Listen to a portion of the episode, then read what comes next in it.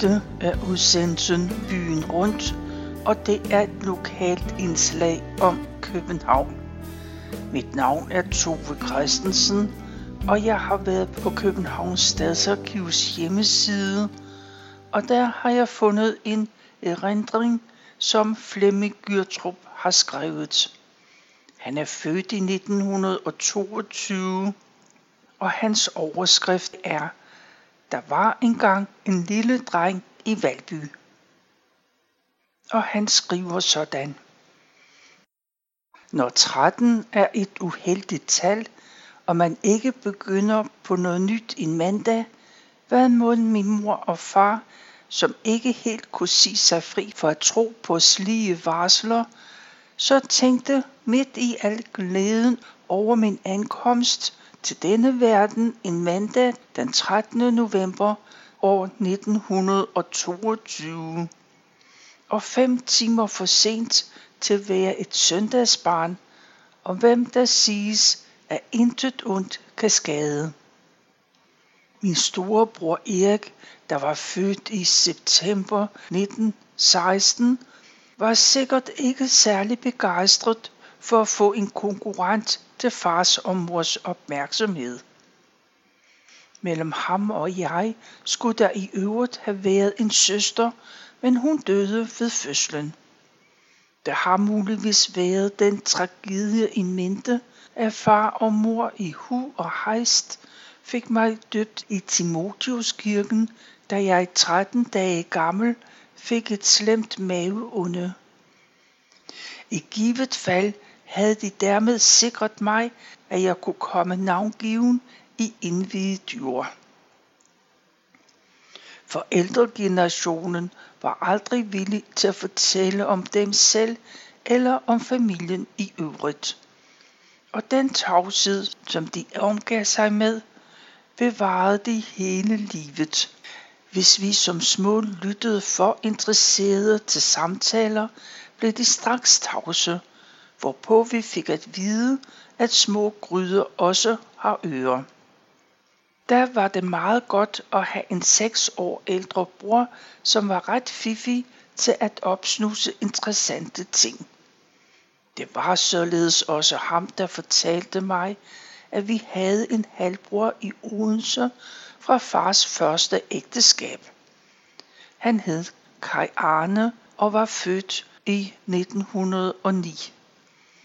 Hverken min bror eller jeg har nogensinde set Kai, men ikke desto mindre har han indirekte påvirket vores hverdag på den måde, at far i mange år, indtil Kai blev adopteret og fik efternavnet Lauritsen, måtte betale underholdningsbidrag ud af en magert budget. Begge mine forældre, Holger og Ellen, kom fra Odense, og da de bosatte sig i Valby, fik min far arbejde som cigarmager på tobaksfabrikken Horvitz og Kattentid. Min mor blev, som det skete, når familiefædrenes indtægter tillod det, hjemmegående husmor med ansvar for husholdning og børneopdragelse. Den 18. marts 1926 døde min mor i barselsseng kun 37 år gammel.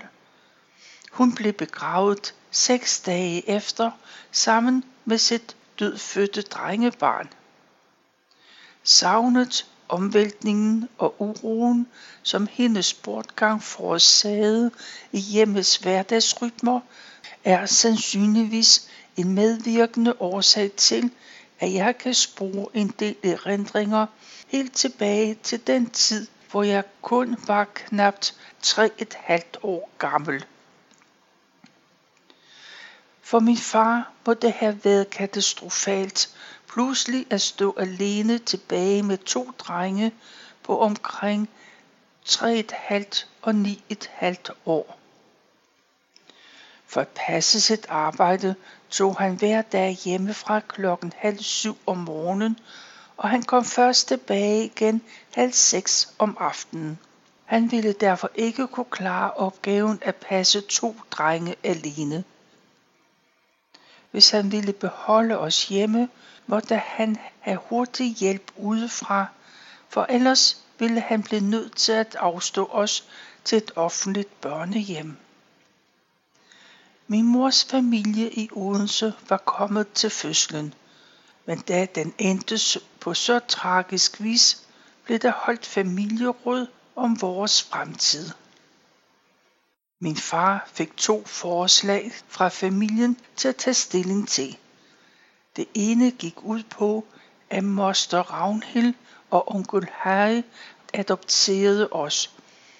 De sagde godt i det, boede i villa, og onkel Harry havde en vellønnet stilling i stiftamtet i Odense. Selv havde de ikke mulighed for at få børn. Min far besluttede sig imidlertid for et andet forslag. Moster Esther, der var ugift, skulle flytte over til os fra Odense for at stå for husholdningen indtil videre. Det var forståeligt nok, for så opnåede han at beholde begge sine børn hjemme. Esther var da 33 år. Efter en hård barndom, hvor der blev hunset med hende, og hun oplevede, at faren formøbede alt af værdi på grund af drukkenskab, blev hun tidligt sendt ud for at tjene for at hjælpe til med at opretholde hjemmet for sin mor og mindre søskende. I sin ungdom fik hun en stor svulst i underlivet og fjernet ved operation og efterfølgende blev hun sendt på et langvarigt rekonvaleseringsophold i Svanninge. Med bitterhed over, hvordan livet havde formet sig for hende, kom hun til København efter pres fra familien. Hun nærede ingen særlige følelser over for min bror og mig, og da hun havde et ildre temperament, og ikke selv kendte til andet end komporte afstraffelse, der blev lusinger og endefulde snart hverdagskost for os. Vi fik med andre ord en rigtig stedmor i huset. Mange gange blev det til stille tårer, når jeg om aftenen lå i mørket i min seng, men efterhånden som jeg blev klogere, fandt jeg på at skrige og hyle som en stukken gris, så når naboerne kunne høre det, dæmpede det stedmor noget ned. Hvorfor min far og mor flyttede fra Odense til København omkring år 1915, ved jeg ikke. Det kunne der være flere grunde til. Min far ønskede at lægge afstand til sit første ægteskabelige fejltrin – at lønnen skulle være højere i København, og måske var det også på den tid en vis status ved at kunne tage hjem på besøg i sin fødeby fra hovedstaden. Valby var på den tid nærmest en landsby, og som en sådan nok mere attraktiv end for provincianere end de københavnske gader. I de nye hvidkalkede byggeforeningshuse en kilometer ud af Valby Langgade fra Valby Tingsted fandt mine forældre en lille kvistlejlighed på Søndre Allé nummer 14. Husene var dobbelthuse i tre etager, hvoraf ejerne udlejede to etager. Her blev min bror og jeg født. Lejligheden var på omkring 55 kvadratmeter og med skråvægge. Den bestod af soveværelse, spisestue, dagligstue og et indendørs toilet med træk og slip, hvilket på den tid var ret avanceret. Til lejligheden hørte et pulterkammer på trappen, koksrum i gården og et stykke have med, med frugttræer, et vaskehus med gruekedel, to store træskyllekar og en vaskebænk stod til rådighed. Der var elektrisk lys og gas i lejligheden. Lyskontakterne, der havde messingdæksel, skulle man ikke røre med fugtige hænder, for så trunede det slemt i fingrene. Soveværelsesmøblet af sidertræ bestod af en dobbeltseng og et toiletmøbel med spejl. Jeg lå i en lille bambusseng, og min bror i en udtræksseng. Da bambussengen blev for lille for mig, overtog jeg udtrækssengen, og min bror fik en harmonikaseng, der hver aften blev ret op i spisestuen. Da vi var blevet store, lå vi begge to i harmonikasenge i spisestuen. Egemøblementet i spisestuen bestod af en buffet med midterspejl, dækketøjskab, et spisebord, der kunne forlænges med plader midt på, stole og et mørkbejset radioskab. I hjørnet stod kakkelovnen med en kakkelovnskærm for og en kulspand ved siden af. Kædelysekronen over spisebordet havde tre små glasskærme med 15 watt trådpære. I den største skærm i midten sad en stærkere lampe, som kun blev tændt, når vi havde gæster, eller når vi skulle læse lektier, for vi måtte ikke ødelægge øjnene ved dårligt lys. Ved døren hang et stationsur og et barometer.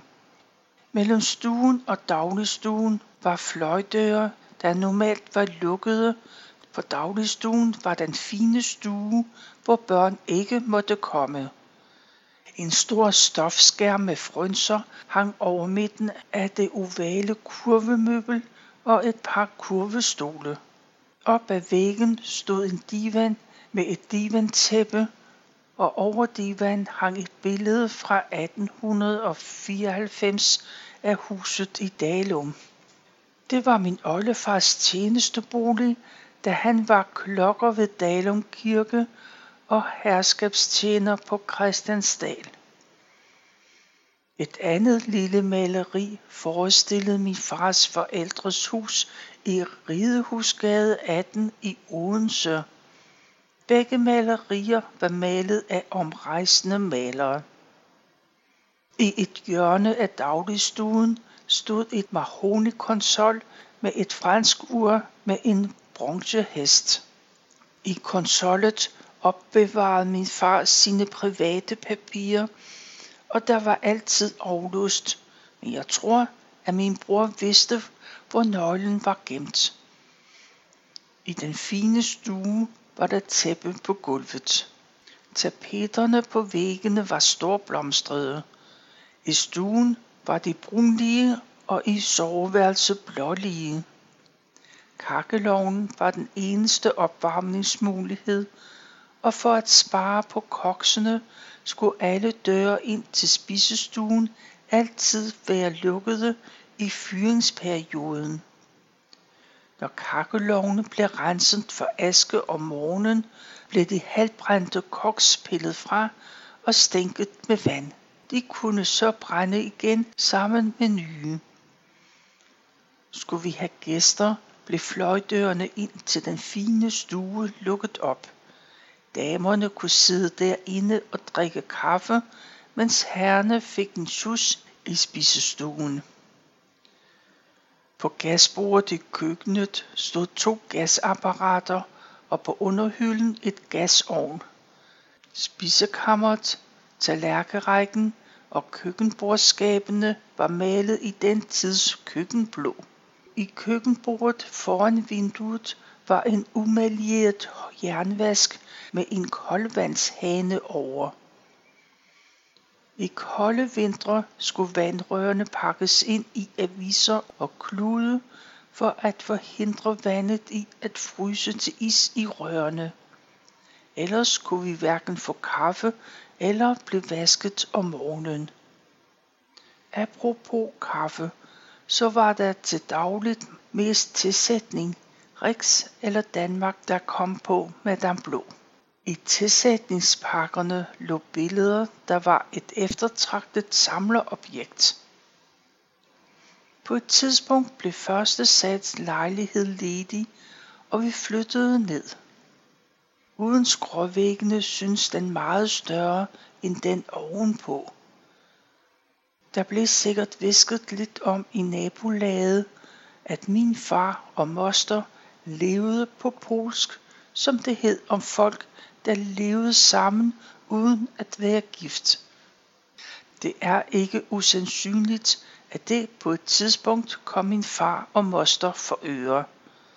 Far, som var venlig og omgængelig og helt undgik problemer af enhver art, fandt det måske nærmest at fortsætte som hidtil og indvilgede derfor i at indgå ægteskab. I alle tilfælde kom de den 5. september 31 hjem og fortalte os, at de var blevet borgerligt hvide på Københavns Rådhus. Samtidig blev jeg bedt om at sige mor til Esther i stedet for moster. Hidtil havde jeg ikke tiltalt hverken far eller moster i du-form, og både vanemæssigt og psykisk bød det mig stærkt imod at skulle sige mor, når det ikke var min rigtige mor. Jeg sagde ikke længere moster til hende, og heller ikke mor, men benyttede mig af omgåelser. Jeg fik imidlertid den fordel ud af situationen, at jeg kom til at stå lige med de andre drenge.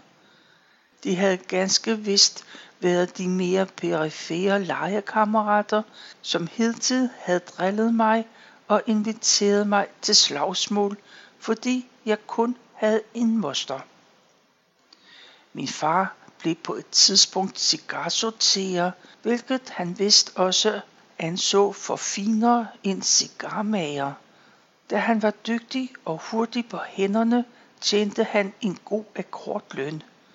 Udover en kortere periode i krigsårene 32 og under hver anden verdenskrig havde han ikke været arbejdsløs. Han gik altid i pænt jakkesæt og slips, sort jakke, sort bowlerhat og med stok på armen. Når han kom gående fra arbejdet ned ad Søndre Allé, lignede han mest af alt en grosserer. Om vinteren gik han op til sporvognen linje 15 på Valby Langgade og skiftede ved hovedbanesgården til linje 4, som kørte til tobaksfabrikken på Islands Brygge. Resten af året cyklede han. Cyklen havde hverken bremser eller frihjul, men fast nav. Han startede på cyklen ved at sætte venstre fod på hønsepinden, sætte af med højre fod som på et løbehjul, for så at hoppe op på sadlen. Det var baghjulets forlængede aksel, man kaldte for hønsepinden. Når det var mørkt, kørte han med en asplygte eller sterinlys. Det var om at holde fingrene væk fra den, når den lige var blevet tændt og var glående varm. Om vinteren kunne han en gang imellem falde i brønden efter arbejdstid og gå på værtshus. Når det skete, var der altid en fredag på lønningsdag, og så stod det på torden derhjemme. Normalt spiste vi, normalt spiste vi aftensmad cirka klokken 6. For at spare på lyset sad vi forinde i skumringstiden ved kakkelovns ilden skær og ventede på far. Nogle gange fik vi et æble stegt på ringene. Nærmede klokken sig seks, og far ikke var kommet hjem, sænkede stillheden sig, og kun stationsurens tikken lød ildevarslende ud i stuen. Min bror og jeg vidste på forhånd, hvad stedmor igen ville himle op om, at det var vores skyld, fordi vi altid var så uartige. Det blev far så ked af, at han måtte trøste sig med bajere. Det galt om at holde lav profil og ikke sige noget som helst. men liste sig i seng til sengetid klokken halv otte, uden forsøg på at forhale tiden, for ellers vankede der knups. Atter truede stedmor mig med, at nu skulle hun nok tale med far om at få mig anbragt på opdragelseshjemmet Flakkebjerg. Det havde jeg hørt så ofte, at det ingen virkning havde. Når jeg ikke markede ret, kunne stedmor finde på at smide sig ned på gulvet og spille død.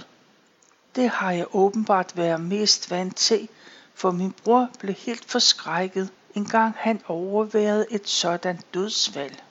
Han har flere år efter fortalt mig, at jeg trøstede ham med at sige, lad hende bare ligge, hun rejser sig igen om lidt.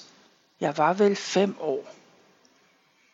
I entréen var der en lem op til loftet, og stigen derop til hang ude på trappen.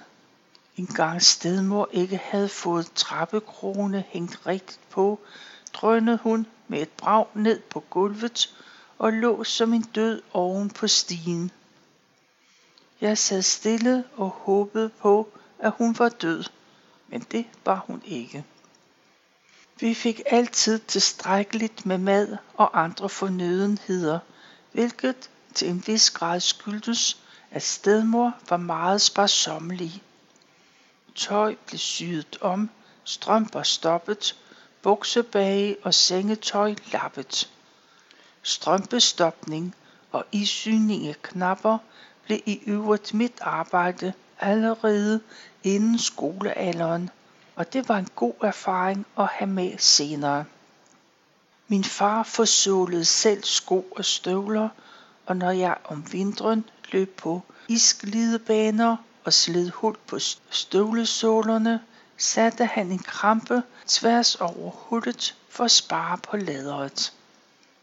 Hvis jeg havde slidt hul på røjsersålerne, blev der lagt et stykke pap inden i, og ved mig, hvis jeg kom hjem med våde strømper. Til middag fik vi altid en forret for at drøje på kødet i hovedretten.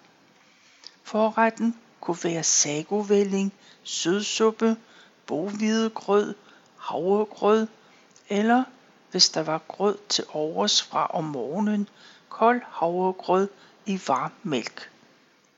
Rugbrødsrester blev gemt og brugt til øllebrød med klumper i. Grønkålssuppe, gule ærter og kørvelsuppe med hårdkogte æg stod også på spisesedlen.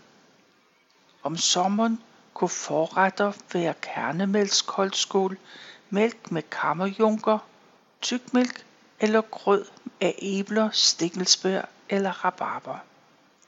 Når jeg blev sendt med spanden med låg hen til ismejeriet efter en pot sødmælk, skulle jeg samtidig spørge efter en halv eller en fransk franskbrød fra i går, for det var til halv pris. Når sødmælken havde stået lidt, blev fløden skummet af og brugt til kaffen. Ismejeriet havde smør i store dritler, og det kvantum, man skulle have, blev gravet ud med en lille rillet smørske og banket i fasong på indpakningspapiret. Det var også til ismejeriet, vi gik for at købe for to øre bolcher af dem, man fik flest af. Allerede inden jeg blev født, var min far ivrig amatørfotograf. Han havde et apparat til glasplader, og han fremkaldte og kopierede selv hjemme på køkkenbordet. Jeg har derfor en del billeder af min mor, som jeg ellers ikke kan huske, ligesom jeg også har en del af mig selv for evigt i zinkbalje, jordmortasken, den høje kurveflettede barnevogn og i mange andre opfindsomme situationer, som jeg heller ikke har nogen erindringer om. Var man med på noderne i radiofoniens barndom, så byggede man selv sin radio efter diagrammer i familiejournalen og andre blade. Omkring år 1925 byggede min far et krystalapparat, men der var kun én høretelefon til, så hvis alle skulle lytte med, blev høretelefonen lagt i en krystalskål midt på spisebordet. Så skulle vi sidde musestille og ikke ryste til bordet, for så kom metaltråden, der berørte krystaldetektoren, ud af stilling, så forsvandt lyden. Det varede ikke længe, før min far byggede en større lampemodtager med højtaler ovenpå. Højtaleren var den med landkortet med europæiske sendestationer, hvor firmaet Laurits Knudsen lavede. En koverantenne isoleret med porcelænsæg blev ført over til nabohuset, og for at undgå skader ved lynnedslag kunne vi slå en knivafbryder fra ude på viset, hvor antennen kom ind. Når far efter aftensmaden sad i kurvestolen med sin røde hjemmetrøje og hørte radioavis og vejrmelding, skulle der være absolut ro i stuen. Af og til faldt han i søvn, og så kunne man trække sengetiden. Magister Ingvar Lieberkins udsendelser om dyr var meget populære, og det var familien Hansen med Ove og Gerda, der begyndte i 1929 også. Om dagen hørte vi ofte middagskoncerterne fra Radiohuset eller Restaurant Vivex, og selvfølgelig også børnetimerne. Den hjemmebyggede radio blev først afløst af en køberadio i 39. Efter min mors død udvidede min univers sig gradvis fra at omfatte sandkassen og haven til også at omfatte vejen uden for stakittet og kendskabet samt kontakten med de omkringboende børn blev større. Beklædningen skiftede fra en kombination af pigebukser med elastikker og forklæder til strikketrøjer og korte bukser. Trøjerne var hjemmestrikkede af brun meleret uldgarn. Når vi havde slidt hul på albuerne, blev de stoppet. Om vinteren skulle jeg gå med lange uldne strømper, der blev holdt oppe med en bred bændelastik til knapperne i strømperne og livstykket. Da jeg kom i skole, var jeg flov over at gå med sådan en tøsebeklædning, så på vej til skolen rullede jeg strømperne ned, men de skulle være rullet op igen på vej hjem, hvis jeg skulle undgå frøvl. Fredag aften var den store badedag. Så blev en vandkedel sat over gassen i køkkenet, og en anden blev sat på kakkelovnen. Det varme vand blev blandet op med koldt vand i den store zinkbælge. Det kunne ske, at jeg kom i min brors badevand efter ham, men det kunne ikke nytte at lave frøv, for der skulle spares på udgifterne til gas. Jeg blev altid vasket i tjæresæbe. Jeg ved ikke hvorfor, men enten har chiasæbe været billigt, eller også mente stedmor, at til et skuret hoved skulle der skrabt lud. Selv mente jeg ikke, at jeg tog mere skade af tjæres sæbe end af anden sæbe. Vi når ikke mere for nu, og det her, det er første del af Flemming Gyrtrups erindringer fra Valby. Du kan læse hele hans erindring og mange andres på kbharkiv.dk. Tilbage er der kun at sige tak for nu, og tak fordi du lyttede med.